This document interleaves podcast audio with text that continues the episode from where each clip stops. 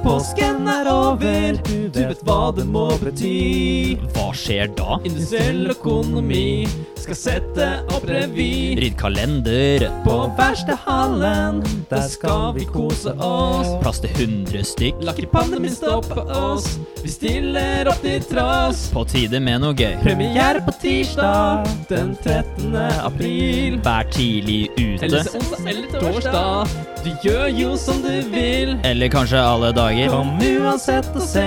Håper å få deg til å le. Det er lov, Mats Hansen. Norsk katedral ønsker deg en god opplevelse. Du hører på Typisk Indek med Jakob og Håkon. 37 mil vestover og øst og litt oppover. Der ligger Flåklypa, eller Alvdal som det også kalles. Noen kilometer sørvest derfra ligger Gjøvik sykehus, stedet hvor Elverumsing Vendel Ulsrud fødte sin førstefødte sønn 21.9.1995. Gutten skulle hete Karl Petter som mor, for da kan vennene hans gi han så klingende kallenavn. Som eksempel Kalle Pelle eller Kåpe. Kåpe ble kallenavnet folk gikk for i hans barndomsår på Skreia i Totenvika, på vestsiden av Mjøsa. Gutten var tidlig interessert i idrett og musikk, og det var spesielt John Mayer, hans gitar, som skulle få øynene opp for dette. Spill noe Mayer, da, var et vanlig utsagn fra Kåpe han tasset rundt på Skreia ungdomsskole som den store revystjerna. Etter dette gikk ferden videre til internasjonal baccalaureat, før han i to år etter videregående annet brukte tiden på å være i Forsvaret og jobbe på barnehjem på Filippinene. Utdanningen på industriell økonomi virket forlokkende, og Carl Petter startet der i 2016 sammen med undertegnede og Jacobas Engebretsen. Der ble han fort aktiv i Leddet, som det heter på fjongt, og ble leder i et lederpar sammen med Gjøvik-gutten Anders Vanvik. Etter ett år på utveksling, hvor han holdt på å miste livsgnisten, kom han tilbake med storm og skulle virkelig vinne den tilbake som forfatter på Indøk-revyen. Så kom korona, og resten er historie. Not. Fra blond storsjarmør med Toten-dialekt til revysjef og BL-alumni med tillært sosiolekt, velkommen til Studio Tyholt, Carl Petter Ulsrud. Wow. Det var en uh, fantastisk uh, introduksjon. Litt factually inaccurate, men satt meg et bedre lys enn jeg fortjener, føler jeg. Ja, jeg syns egentlig den var mer spot on på sannhet enn tidligere episoder. Vi har jo pleid å være enda mer off. Her stemte jo mye. Sånne småting som jeg legger meg opp i, og som jeg husker sånn umiddelbart, er eh, at eh, jeg ikke var i et barnehjem på Filippinene. Jeg var i et ungdomsfengsel. Det er jo en sånn eh, en viktig skilnad De må ikke blandes. De må ikke blandes. Det er forskjellige institusjoner, og det er filippinerne veldig opptatt av. Det var liksom en såpass informasjonstung introduksjon at jeg sliter litt med å, Ja, ja. å hente tilbake Her var med sitatet 'spill noe mer', Jeg tror nok eh, at jeg har nok heller fått mer eh, ta så drit i å spille så mye Mayor. Og det blir nok mindre og mindre med årene sånn sett, men det er nok riktig at det har påvirka musikalsk interesse opp igjennom. Jeg var nok ikke noen revystjerne på barneskolen da det skal sies, og er vel fort, de lærde strides fortsatt om det er tilfellet. Mange mener at det fantes et potensial der likevel. Ja, ja, ja det. Det gjenstår å se, da. Hva, hva med Kalle Pelle? Har noen kalt deg det? Jeg føler folk har kalt meg det aller meste som kan måtte, enten attribueres K eller P, og i sammensetning. Og det er ganske mange artige varianter der. Blant annet liksom det med kåpe, som fort blir eh, andre klesplagg, eksempelvis frakk eller anorakk har jeg også Ja, veien dit er jo kort. Det er veldig kort. Men kan du si oss en gang for alle, KP, hvordan IB uttales? Når du skal ikke bare ta forkortelsen, men hele ordet. Her er det jo vanskelig å ikke bli litt flåsete når man eh, skal prøve seg. Det er jo et uh, fransk ord, da, så det blir jo fort noe sånn international baccalaureat. Det er sånn man skal si det. Det er sånn man skal si det. Jeg jeg. Så fransk konsept, men eh, alt går på engelsk, eh, så fremt det ikke er språkfag. Så Ja, La oss høre det på engelsk, da. Hvordan er det man sier det på engelsk? amerikansk-engelsk, er det det vi Ja, kan jeg ta det på? International Baccalaureate. Ja. Et eller annet i den Jeg, duren. jeg liker best å få med den R-lynet. Internasjonal Baccalaureate. Det gjør det jo enda mer pompøst enn det Ja, det gjør utgangspunktet er. Men vi skal videre, fordi eh, denne episoden her skal jo som sagt ikke være så gjestepreget som tidligere episoder. Tanken er faktisk å droppe alle faste spalter og bare prate om det som episoden forlokket lytterne til å trykke på, nemlig revy. Dette blir en revyspesial, Ja. og vi har med KP, revysjef, og Håkon, revysjef. Her sitter lederparet i studio, og det skal handle om revy. Ja, men én spalte får vi kjøre nesten uansett, og det er en liten intro med KP. Det er nemlig 20 spørsmål. Det er en selvforklarende spalte, så vi antar at du kan reglene. KP, vi vil gjerne vite ditt fulle navn. Carl Petter Ulsrud. Alder, 25. klasse trinn, Femte klasse. teknologiretning, Maskin. fra hvilken by? Jeg er veldig langt fra by, men nærmeste tettsted er Skreia, som har blitt tatt i introduksjonen her. Jeg tror ikke det er et tettsted engang, det jeg kommer fra. Totenvika kaller man det. Ok, men Hva er forskjellen på Skreia, Totenvika og Toten? Matbutikk. Er vel egentlig det hovedsvaret der. Jeg ser for Sånn- meg at det er mye jokere her. Vet du, Det er faktisk ikke så mange jokere. Bare man kommer seg til Skreia, som vel er vel fem minutter fra der jeg bor, da, så er det tre matbutikker, og ingen av de er jokere. Så det er jo helt eh, strålende. Se her. Sivilstatus. Singel. Løpende verv. Revy. Da du var liten, hva ønsket du å bli når du ble stor? Pilot øh, føler jeg tenkte ganske tidlig på. SAS eller Norwegian? Der er jeg en sassegutt. En sassegutt, ja. Nei, jeg tror nok jeg, jeg så nok for meg mer eh, litt spenstigere fly. Kanskje mer sånn militært, men det handler vel mer om ting man syntes var kult enn eh, realistisk. Men det er vel litt sånn det skal være når man er i Absolutt. Vi er veldig opptatt av drømmer her. Løpte mye rundt med pilotbriller når du var liten. Så jeg har aldri kledd briller generelt, men pilotbrillen er kanskje den som jeg fikser best. da. Så det ble pilotbrille eller ingenting for meg eh, i barndommen. Men jeg skjønner ut at du ikke kler briller så godt. Jeg Ja. føler også at du, håret ditt, håret ditt er liksom litt for nærme ansiktet. Sånn Også et litt for langt ansikt, og det er, det er mye å plukke på der generelt, men også opp mot uh, brillefronten. da. Jeg klør briller solbriller jævla godt, for det skjuler jo de jævla stygge øynene mine. Ja, selv kler jeg lue og hjelm ganske dårlig. Hva hadde du studert, KP, om Indek ikke fantes? Det ærlige svaret ville nok vært eh, NHH. Det var måte det som var, eh, var det nærmeste. Så du er mer økonom enn ingeniør? Ja, men jeg, jeg tror nok det var en konsekvens av at man eh, ikke var helt gjennomtenkt i valget i utgangspunktet. Jeg ønska i hvert fall å velge et eller annet som ikke følte var så bindende, og da var Induc var eh, the prime example, og så var eh, NHH kanskje det jeg syntes var mest eh, spennende etter det. Handla, handla mye om økonomifaget jeg hadde på IB som jeg syntes var eh, veldig spennende. Mm, KP har alltid elska revisjon. Siste spørsmål. KP, nødt eller sannhet? Nøtt. Da er du nødt til å svare på Håkons tre kreative spørsmål. Yes, her kommer det noen litt annorlunda spørsmål. Spørsmål nummer én. Hvorfor har du en onkel som jobber på Kims, og hvorfor gir han deg så mye chips og nøtter? Et godt spørsmål. Geografisk nærhet er første punkt. Det er, uh, Kim sin fabrikk ligger jo på Skreia, som da er nærmeste tettsted. Tre matbutikker. Og uh, der har jo min onkel gått uh, gradene fra å være på det gode gamle gulvet til fabrikksjef. Og det har jo sine perks. Det betyr jo egentlig at vi har nesten ubegrensa tilgang til Kim sine produkter, som også inkluderer Polly sine nøtter, da, blant annet. Spørsmål nummer to. Taekwondo. Tanker. Jeg burde nok ha brukt mindre tid på taekwondo sånn i ettertid. Eh, det tok ganske mye tid mellom alder fem og ti for min del, og var, eh, var noe som stressa meg ganske mye. Ja, for du har hatt svart belte taekwondo, har du ikke? Det har jeg fikk det Man får et litt sånn juksesvart belte egentlig når man er under 16 år. Så får man et eh, Man gjør de samme tingene, men man får et rødt og svart belte, da. Som Men- har en slags sånn todeling. Er svart belte er det maksgraden i taekwondo? Man kan gradere seg videre opp fra svart belte, så da har du noen som kalles for dan. Ja. Men da må man vente typisk først ett år for å gå opp til første, og så kanskje okay. enda lengre tid for å gå til andre, og, så, og sånn går det, da. Men man kommer jo opp til et eh, maksimumpunkt der, uten at jeg helt husker hvor mange dan som er maks dan. Men du må ha vært god til å slåss på barneskolen, da. Det ble ikke mye juling på KP? Jeg slåss ganske lite til tross for uh, helt uh, upåklagelige taekwondo-skills. Det er jo eh, Litt av poenget er at man skal jo være så Man skal kun bruke til selvforsvar. Så det ble både lite angrep og lite selvforsvar på barneskolen. Jeg syns egentlig at man får for lite bank generelt. Jeg tenkte på det her om dagen. At det er veldig lenge siden jeg har fått bank. Og det kan være liksom fint av og til, for av og til selvfølgelig i hvert fall at, at jeg fortjener det. Da. Så kanskje ikke en oppfordring til alle og enhver, men kanskje til noen. Men du fikk også svart belte s- som åtteåring, stemmer ikke det? Jo, Ja, Det er verdensrekord i Norge. det er verdensrekord i Norge, og det er jo fortsatt, det er fortsatt verdensrekord i Norge, tror jeg. Ja. Jeg kom på en kjempehard diskusjon på her, hvor jeg mente at hvis man får svart belte som åtteåring Jeg tenkte at svart belte var maks, så er sporten for dårlig. Man kan ikke være ferdig utlært i fotball som åtteåring. Man er for liten. Man kan ikke, altså Som åtteåring er svart belte. Da sier du at du kan liksom banke en 25-åring som skal angripe deg. Det kan du ikke. Ja, fordi det er ikke svart belte relativt til sine jevnaldrende, er det det? Det er en, eh, noen objektive standarder her. Man skal gjennom samme prosess, og det, det går egentlig på at man går en slags, slags for mønster, kaller man det. Eller det ser nesten ut som en dans for det utrente øyet. Da gjør man akkurat det samme uavhengig av hvor gammel man er. Kanskje litt av key her er jo at man må ikke slåss for å gradere, Nei, er, det seg sånn, opp. er det sånn kater? Er det det heter? Litt sånn Kata fra Karate Kid-type Ja. type filmer som man har sett der. Minner om, minner om det, altså. Så hvis man hadde måttet slåss for å komme seg opp, så tror jeg på en måte åtte år gamle meg hadde slitt. Og for så vidt også 25 år gamle meg hadde slitt med å, å gradere seg oppover. Vi tar spørsmål nummer tre. Jeg har hørt noen rykter om at Ariana Grande har fått Mikke Mus som personlig assistent. Har du hørt noe om backstoryen til det her? Dette har vi snakket om tidligere, Håkon, og vi har jo en eh, vanntett teori om hva som har skjedd her. Der er jo Ariana Grande som har vært i Disney sine systemer eh, lenge. Og det har ført til problematikk da rundt håret hennes, og spesielt det at eh, det har blitt slitt, som har gjort at hun må måtte ja, fikse mye på det selv nå måtte, i voksen alder. For å løse opp i det her, så har Disney gått med på å outsource Mickey Mouse som hennes måtte, personlige assistent. Mm. Jeg syns egentlig det er en fin løsning fra Disney. selv. de outsourcer en av sine viktigste personer til å følge opp Ja, Arana, og det er jo en kjempetillitserklæring fra, fra deres side. Ja, en liten hyllest, rett og En liten hyllest. Mm. Det var det vi hadde fra 20 spørsmål-polten. Nå går vi inn i fri flyt.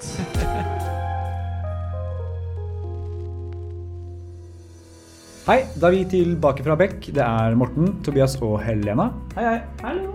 Vi i Beck sponser jo Indøk-revyen for syvende år på radio i år, og gleder oss helt enormt til premieren på Børs og Katedral.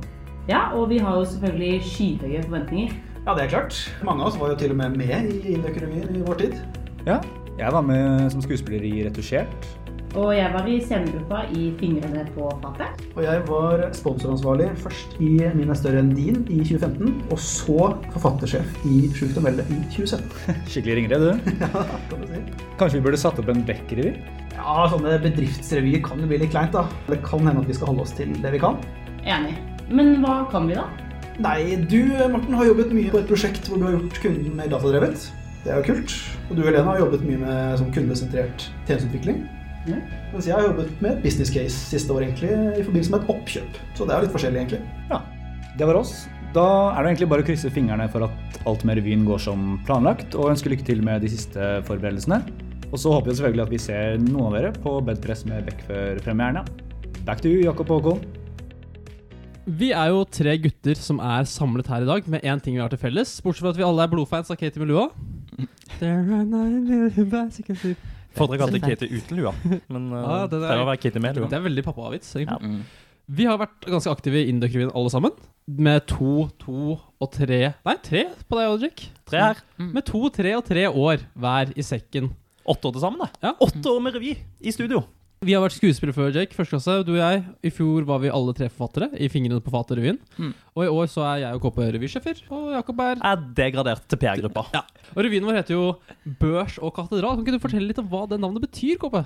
Ja, så børs og katedral er vel i utgangspunktet et uttrykk som har blitt brukt mye i forbindelse med journalistikk. Og der det handler om eh, journalistenes ansvar, da egentlig. Om måte, primæransvaret er å, å tjene penger, noe som åpenbart må være en del av det for at man skal kunne drive. Sett opp mot katedralbiten av det, som er eh, i hvor stor grad man klarer å få frem den sanne historien, da. Og det som, eh, det som faktisk ikke bare er clickbait-versjonen. Og det er overførbart til eh, andre sammenhenger òg. Jeg tror liksom børsdelen handler mer om det å profittmaksimere, mens katedraldelen generelt kan ses på som det å leve opp til eh, andre idealer. Da. Ja, for jeg føler at det, som inducker og man vei ute i konsulentbransjen osv., så, videre, så har jo mange ideen om at man har veldig lyst til å gjøre noe bra for verden. Man har jo lyst til å være en person som finner på en genial teknisk løsning, er med en sånn startup som kanskje redder klimakrisa, eller er med å gjøre noe bra for Som kan øke infrastrukturen i Norge. Altså, Folk snakker om å sette opp, liksom, lage optimeringsmodeller for sykehus eller for hjemmetjenesten, og det er jo faktisk veldig samfunnsnyttig. Men samtidig så skal man også tjene penger, så jeg føler også at dette er sånn klassisk eh, balansegang som også veldig mange indøkere burde kjenne seg igjen i. Ja, Det kan jo kokes ned til noen enkle verdivalg. Mm. Hvordan man tar eh, beslutninger. Ja. Der børsen representerer det kapitalistiske, kanskje det grådige, Mm. mens katedralen representerer liksom det gode, det rette, det fine. Ja. Så man er jo glad i en dramaturgi som er litt sånn skurk mot helt, og jeg syns jo dette nesten går litt inn under det, Ja. hvor børsen har noe liksom negativt forbundet med seg, egentlig, da, fordi det handler om penger, det er kynisk og kaldt, mens katedralen er det helt diametralt motsatte, da. Mm. hvordan kommer vi til å vinkle det på revyen? Godt uh, spørsmål.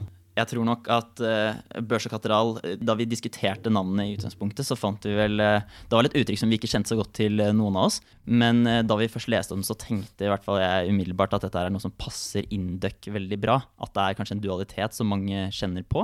Og at det, det gjør at man kan skape kanskje en del situasjoner på revyen også som er relaterbare for inndøkkere, enten det er gjennom eh, mer sånn studentspesifikke ting, eller det bare er andre ting som eh, rører seg i samfunnet som inndøkkere engasjerer seg eh, i. da. Ja, for det synes jeg liker veldig godt med den greia at uansett nesten hvilken sketsj du har, så setter man sånn opp en sånn situasjon der man må velge eller noe opp mot hverandre. Det er veldig klassisk uansett hvilken historie man har, da, det er gode, litt gode mot onde, som gjør at man kan liksom finne det igjen i sånn alt mulig. da. Ja. Men altså, riktig som sier, jeg hadde ikke hørt om det uttrykket før vi fant det på som revynavn. Det var eneste stedet jeg hadde connection fra det, var fra den Karpe-sangen. Da Chirag synger Vi er som blander børs og katedral I Sal Lill fra SAS pluss SAS Pussy. Ikke sant? Og det, det kommer jo på en måte i det SAS pluss SAS Pussy-albumet og sånn fem minutter ut. Og jeg tror liksom, i hvert fall jeg har slitt litt med å huske alt som skjer i den sangen. Men da var det vel Anders Gandrud som har eh, stålkontroll på det der, som linka til fem minutter ut i sangen, og da, da droppa det Børs og katedral. Det fins jo en Wikipedia-side også, som heter Børs og katedral, Ja. med noen illustrasjoner og litt uh, div. Jeg tror John Mayer også sang en del om Børs og katedral i tidlig karriere. Ja, det er første albumet hans, det. Stock Exchange and Cathedral. Det har vært litt av, egentlig litt av et år eh, i år på revyen også. 2021. Tungt år for de fleste. 2020 er kanskje hovedgrunnen til det. Når vi var på revyen i fjor, så rakk vi jo akkurat å spille ferdig revyen før korona egentlig slo inn, så vi ble ikke så påvirka av det i det hele tatt. da. Nei, Vi var vel ferdig i slutten av februar, og da gikk det ca. to uker før samfunnet stengte ned. Vi var jo på Kjemikalen faktisk, og så den. Var det dagen før det smalt, da? Ja, jeg lurer på om det var samme uke. i hvert fall. Ja, fall. Også, også hvor det var koronautbrudd i salen. Så det var vår inngang til nedstenginga. Vi spiller inn denne 10. mars, så vi vet ikke akkurat nå hvordan, eh, hvordan det står til idet denne episoden slippes. Men eh, det kommer til å bli helt vilt. KB, hva kan vi forvente? Det er et uh, utrolig godt spørsmål, og et spørsmål som vi nesten stiller oss uh, daglig selv. Det har jo vært en lang periode med litt sånn forsiktig positivitet rundt revyen. Man planlegger alltid litt sånn nesten uke for uke. Men det vi kan forvente oss, er jo et heidundrende show. Fordi eh, nå begynner man jo å merke at en revy tar litt form, det begynner å, å nærme seg, og vi begynner også å få veldig troa på at dette her kan bli noe av. Absolutt. Og nå begynner jo man å sette litt materiale, folk begynner å bli litt varme i trøya, rett og slett. Men med økende smittetall så vet man jo aldri hva som skjer. Så ting kan snu på flisa, Rett og slett. som man sier på Hedmarken.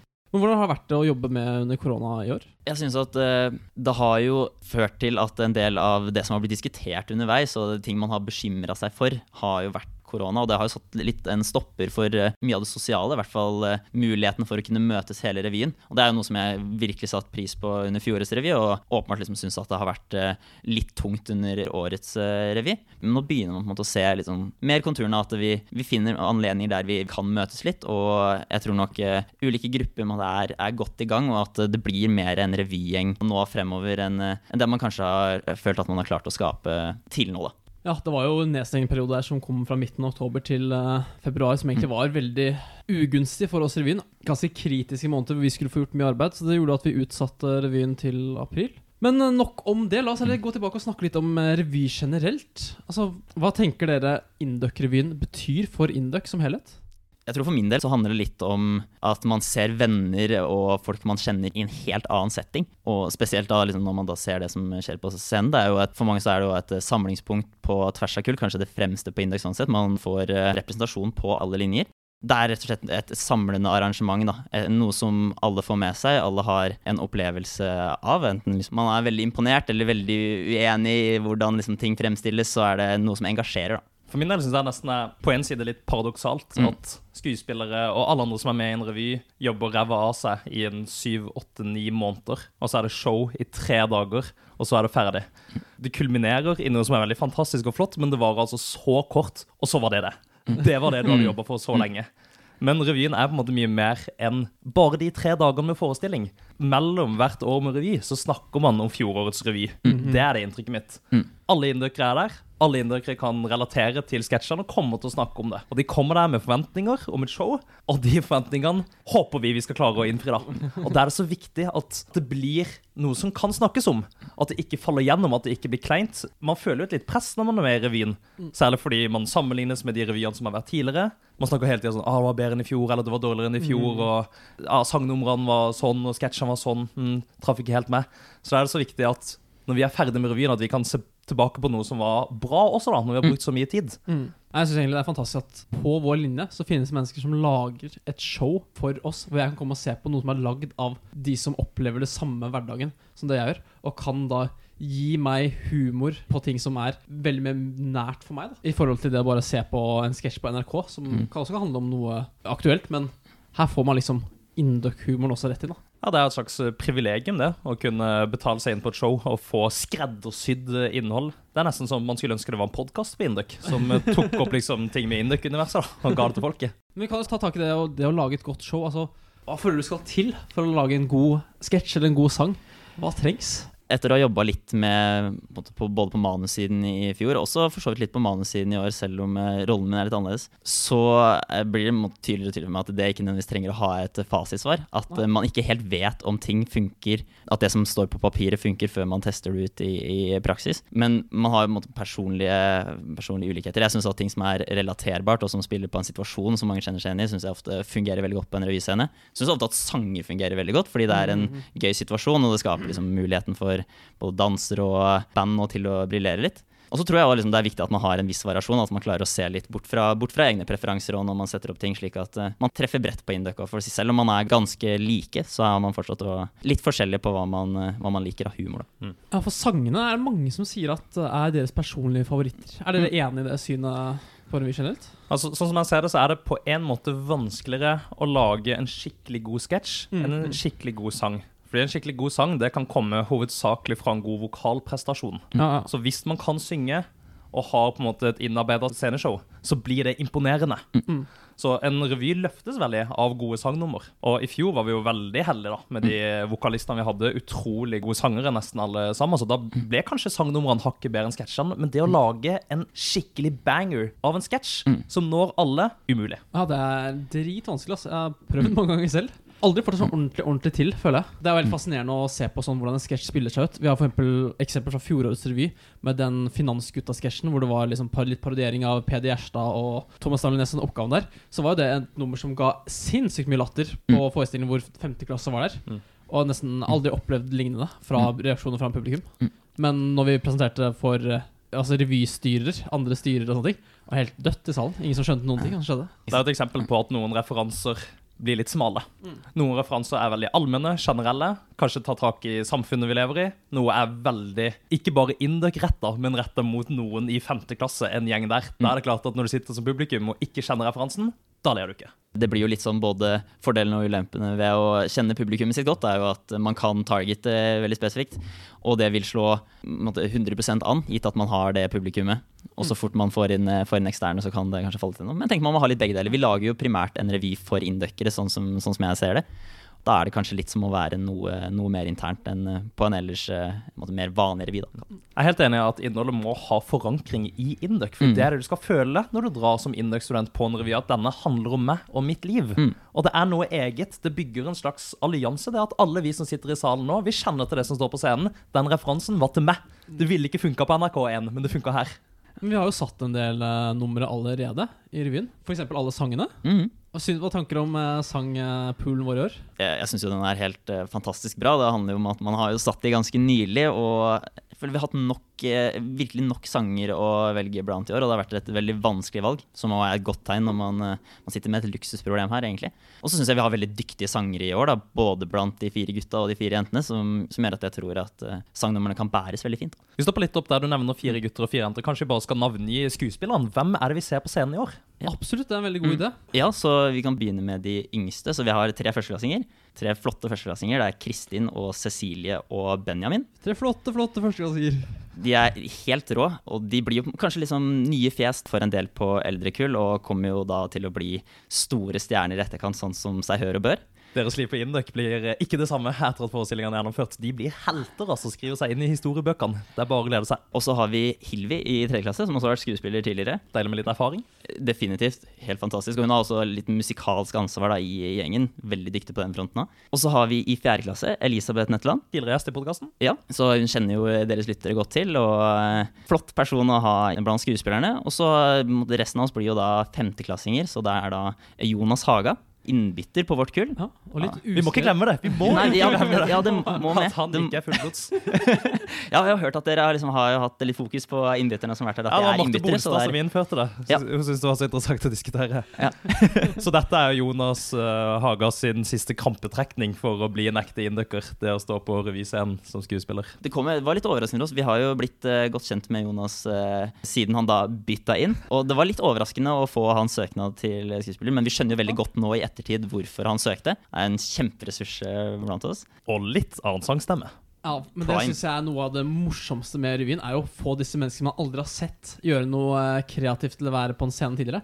Få de opp på Induc-revyscenen, og så bare se at å herligheten, hvor, uh, hvilket talent som faktisk fantes her, da. På generelt grunnlag, når indøkere gjør noe annet enn bare det å være indøkstudenter, når de viser at de kan Rubiks kube, eller når de viser at de kan synge i kor, eller være sykt gode i fotball, eller lage revy, så er det vakkert, altså. Da blir man liksom hele mennesker, og ikke bare nerdy studenter. Og det er det det handler litt om å gå på Induc. Mange her er ikke her utelukkende for det faglige innholdet er så bra, meg selv inkludert. Jeg ville gå her for å ha de kuleste fem årene man kan ha som student. Vi kan godt ta tak i litt i den skuespillerrollen. Vi skal være skuespillere sammen Det skal vi. i revyen vår. Og du har vært skuespiller tidligere, Jake. Hvordan er det å være skuespiller? Eller hvordan blir man en god skuespiller på revyen? Det er et utrolig godt spørsmål, og jeg er jo et eh, ganske sånn li- har lite erfaring på skuespillerfronten fra tidligere. Det er vel egentlig, I det tilfellet her så er det jo en konsekvens av at jeg selv ble revysjef og kunne sette meg selv som skuespiller, at jeg er i den posisjonen, eh, posisjonen jeg er i. Hvordan man blir det? Jeg føler jo at det her Det er jo et utrolig kjedelig svar, men at det er eh, litt sånn øvelse gjør mesterstemning også på skuespillerfronten. Og, og det merker jeg spesielt nå når vi har litt intensive perioder, at man blir utrolig mye bedre og utrolig mye tryggere kanskje fra gang til gang. Så trygghet er kanskje litt et nøkkelord her også. Jeg tror du er helt inne på noe, at ved å øve mye, så kan man bli ganske flink. Men jeg tror, for å sitere Olaf, at øving tar deg fra A til Z, men det norske alfabetet går fra A til Å. Og æ, ø og å, det er talent. Og det er det som kanskje skiller Clinton fra Veten, altså på en revyscene. Du kan øve inn replikkene dine så godt du bare vil, Danse trinnene sitter, og du, du vet hvordan du skal spille det ut, men noen bare har det altså en tilstedeværelse på scenen, en trygghet, en naturlighet, som ikke kan øves inn. Ja, det er jo den komiske timingen. Det er liksom, åh, Hvordan får man tak i den? Det er noe av det viktigste. Men som skuespiller selv, jeg føler at jeg har blitt mye bedre nå enn jeg var i første klasse. Kom det med litt, eh, litt sånn småblanke ark da. Føler at jeg, etter å ha liksom fått reflektert en del over ting, så har jeg blitt en del bedre.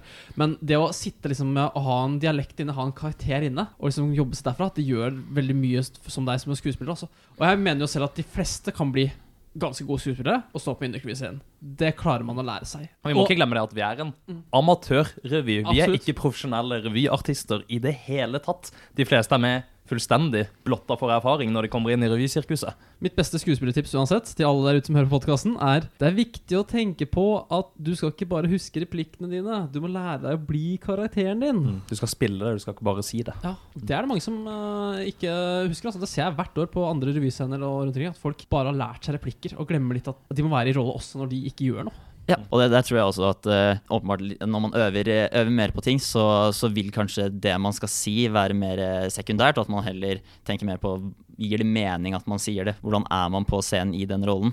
Så tror jeg også at uh, mange av de sketsjene som slår veldig godt an, er hvor karakterene driver sketsjen. Altså man har karakterer som man klarer veldig enkelt å se at dette her er li kanskje litt sånn satt på spissen, da, eller at det er veldig langt fra en vanlig person, om du vil. Så det er nesten enklere for en skuespiller det, å være i en tydelig karakter. Fordi det gir deg en slags grunn for at du er på scenen. Hvis du er der som deg selv, så blir du mye mer selvbevisst, kan jeg se for meg. Det er en hjelp, det er en trygghet å ha på seg en parykk eller ha på seg et kostyme, fordi da klarer du å leve deg inn i det. Fordi du blir så avslørt på en revyscene hvis du bare står der rett opp og ned og utveksler replikker uten å spille ut. Og det plukker publikum opp. Du trenger ikke å være revyekspert for å se det. Noe føles naturlig, noe føles veldig innjobba. Men det er jo også mange flere mennesker i en revy enn bare skuespillere og forfattere. Nå har vi jo nevnt parykken. Hvem fikser parykk? Jo, det er Scene. Scene fikser parykken. De ofrer rett og slett sitt eget hår, syr det inn i noen hodehetter. Helt fantastisk, altså.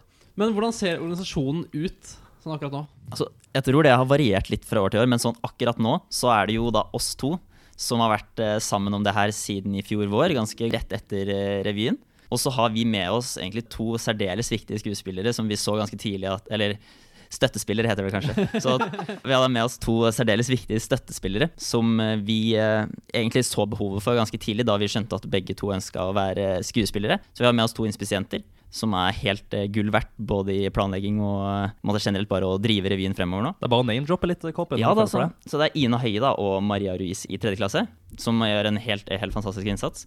Og så har vi fem flotte dansere. Vi har et eh, band som da er måte, delvis bestående av medlemmer fra Bandek, og eh, delvis bestående av folk som man har tatt opp underveis. For å sitere Ivar Nore, dans det vanskeligste i en revy. Ja, virkelig, og det har vi jo fått eh, kjenne litt på kroppen uh, gjennom eh, diverse danseøvinger. Alle som har sett Håkon på revyscene, har kjent det på kroppen. Dans, det er det vanskeligste i en revy. Og så tror jeg liksom man har en tanke om at man skal være ganske god til å danse, og så blir man møtt veldig av veggen når man skal, når man skal prøve seg på det. Ja, for man står og danser sammen med danserne som faktisk kan Ja. danse. Det er ingen som at det er så som så, egentlig, det med. Da hjelper det ikke med svart belte i taekwondo. Hvitt belte i dans. Og så utover det så har vi jo da scenegruppa, som vi var innom, de som eh, ofrer håret sitt til parkene våre. Og så har vi eh, PR-gruppa. De er fire eh, medlemmer i år. De har man kanskje liksom sett arbeidet av litt gjennom Instagram blant annet nå i, det senere, som har vært veldig flinke til å promotere en del av gruppene som er med. Kan vi si at PR er de som har tydeligst ansikt utad for revyen? Det er veldig rart, det. akkurat det. Skulle tro at det var noe spesielt assigna til å gjøre det nå. Jeg er gode til å promotere. da. Kjempegod til å promotere. Vi har også en eventgruppe som har jo måttet tenke litt nytt i år. Vanskelig å samles til noe som helst, så da blir det mye annet opplegg. Men der har det vært eh, helt upåklagelig med bl.a. et sånn hemmelig venn-opplegg før jul, som var eh, en stor suksess, vil jeg si. Virkelig kult. Og det Mm. siste er vel en bordtennisturnering, som vi har vært gjennom? Ja, og det er jo spennende. Der er det jo stor kniving på, på Kjærhuset om dagen, bare om eh, generelt å være blant de bedre i bordtennis. Og der er jeg absolutt i nedre sjiktet. Da har vi Til slutt økonomi. til slutt økonomi, som, er, som tidligere ikke har vært en gruppe, men som per nå eh, er en gruppe. da. Det er jo Jørgen Valseth som hadde ansvaret for økonomien i fjor. Og så har han fått med seg Andreas Brynildsen som en støttespiller der. Ja, For en gjeng. Tusen takk til alle dere for eh, innsatsen dere har lagt ned for revyen 2021. Det blir jo nå et resultat også, så håper vi kan høste våre frukter etter det. Mm. Vi skal nå videre inn i en litt eh, annen vri, nemlig parodikonkurranse. Velkommen til parodiduellen. Dette er Hasse Hope som snakker direkte fra min YouTube-kanal. Og Vi kan jo starte med å spørre deg, Jon Arne Riise. Hva gleder du deg mest til med Induc-revyen 2021? Altså Først så vil jeg bare si at jeg syns det er veldig hyggelig å være, her. Det er, eh, når det gjelder Induc-revyen, så, så har jeg ikke sett så mye revy tidligere. Altså, jeg har vært eh, fotballproff i England og i Premier League med Liverpool. Og der eh, er fokuset ganske, ganske todelt. Det er, fotball eller, eh, eller så er det party. Og, eh, og party er det ofte ikke revy, så jeg har ikke sett så mye revy. Men jeg, jeg heller nok mer med mot børs når du nevner navnet på revyen. Så jeg gleder meg egentlig til å se børs, og gruer meg litt til å si katedral. når jeg tenker meg. Ja, Interessant svar. Jeg kan jo stille spørsmål videre til eh, deg, Kjell Simen fra Parterapi. Altså, Får du fri til å dra og se revyen? Jeg tenkte at jeg skulle ta en tur og se. Jeg har jo fiksa en eh, liten date med, med ekskona. Britt Helen, hun blir med. Som jeg har fått plass plasser på første rad. Og det blir så utrolig koselig å kunne sitte der og kan puse på låret, kan puse på leggen. Og jeg tror det blir dritkult. Jeg prøvde selv å bli skuespiller når jeg var mindre. Fikk ikke komme med. Fikk ikke komme med. De ba meg spille mann på audition. Klarte det ikke. Klarte ikke spille mann. Men jeg tror at Indie-revyen blir helt konge. Det har jeg virkelig tro på. Ja, Indrefilmen kan bli helt konge, men hvis den skal bli det, så krever det jo det gode prestasjoner for folk på scenen. Og Gjert Ingebrigtsen, du er en av de som er virkelig er flinke på å få frem prestasjoner. Hva er det som må til for å få til en god skuespillerprestasjon? Altså, jeg tenker at Først så må jeg finne ut altså, er det noen som er interessert i å bli verdensmester. For hvis ingen er interessert i å være verdensmester, altså, da, da er ikke jeg interessert lenger heller. Og jeg vil bare si at uh, det handler om å bruke timene i døgnet veldig godt. Helvetes godt! Altså, her han, Det handler om å legge ned tid. Hvis, hvis du ser på mine unger, ta for eksempel Jakob. Han er gullkalven. Du ser, han springer rundt. Og det går fort. Det går fortere enn samtlige andre i verden. Enten du kommer fra Europa, kommer fra Afrika, kommer fra Asia. Det har ingenting å si. Det er Jakob som går fortest. Men hva har vært viktig i Jakobs suksess? Det har vært Henrik. Henrik har vært det store forbildet for alle ungene. Og se, det har gått sånn semi med Philip. Jakob. Han, han, han, blir det store. Du ser det på Det er ikke, det er ikke et løp han taper lenger. Ja, Det er spennende også. Se på hun. Hun, hun ene, hun, hun jenta. Hun, hun, hun kan også bli god, tenker jeg. Altså, Ja, du tenker på dattera di, gjør du ikke? ja. ja hun, jeg husker ikke helt hva hun heter, men altså, hun, hun, hun kan bli veldig god. Ja, det var interessante tanker. Jeg tenker også at For å bli en god skuespiller kreves det også god ledelse fra toppen. Både fra regissører og revysjef. Og Kjetil Rekdal, du har jo mye erfaring fra ledelse innenfor fotballen. da, Men man kan jo kanskje dra paralleller. Hva vil du si er likhetstrekkene mellom å være en god leder i fotballsammenheng og en god leder i skuespillsammenheng? Ja, først og fremst så er det, det er utrolig mange likheter mellom fotball og revy. Og det, det er kanskje ikke så lett å se, men idet man går ut på banen, så er det litt som å gå ut på scenen. Fordi først og fremst så er det et lag som står der. Det er et lag, og da trenger du en trener. Eller en revysjef, regissør. Det er det samme forbanna dritten. Så hvis ikke du har god ledelse fra sida, så blir det bare et sirkus. Og sirkus det er det siste en revy vil være. Og Derfor er det så viktig at man får direkte kommunikasjon fra toppen og ned. Hvis ikke så blir det bare kaos, og da blir det forbanna. Så lett er det. Ledelse fra lederen, treneren, revysjefen, via kapteinen og ut på scenen. Det er der nøkkelen til en god revy ligger. Og det er så viktig å ha en klovn. Ha en klovn som kan binde sammen det sosiale. Hvis ikke så faller det sammen. altså. Da blir det, da blir det et forbanna sirkus. Du, Veldig inspirerende ord der fra Kjetil.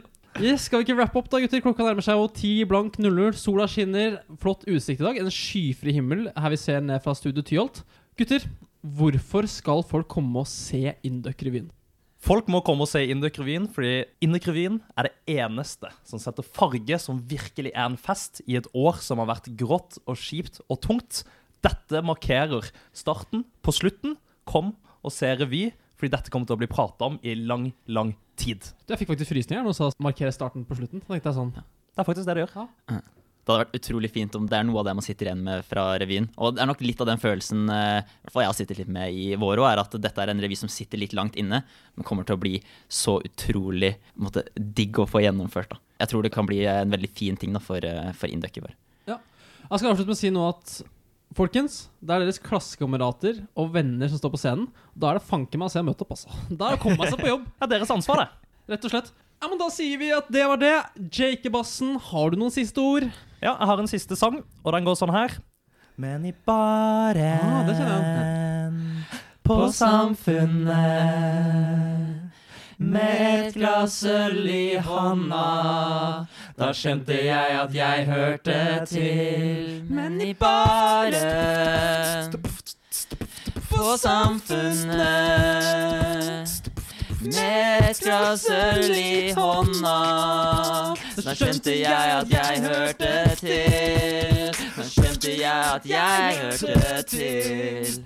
Er det sånn det går? Nei, det, det, Trondheim, du er aldri bedre sånt. Kom på revyen! Det var litt fett, da.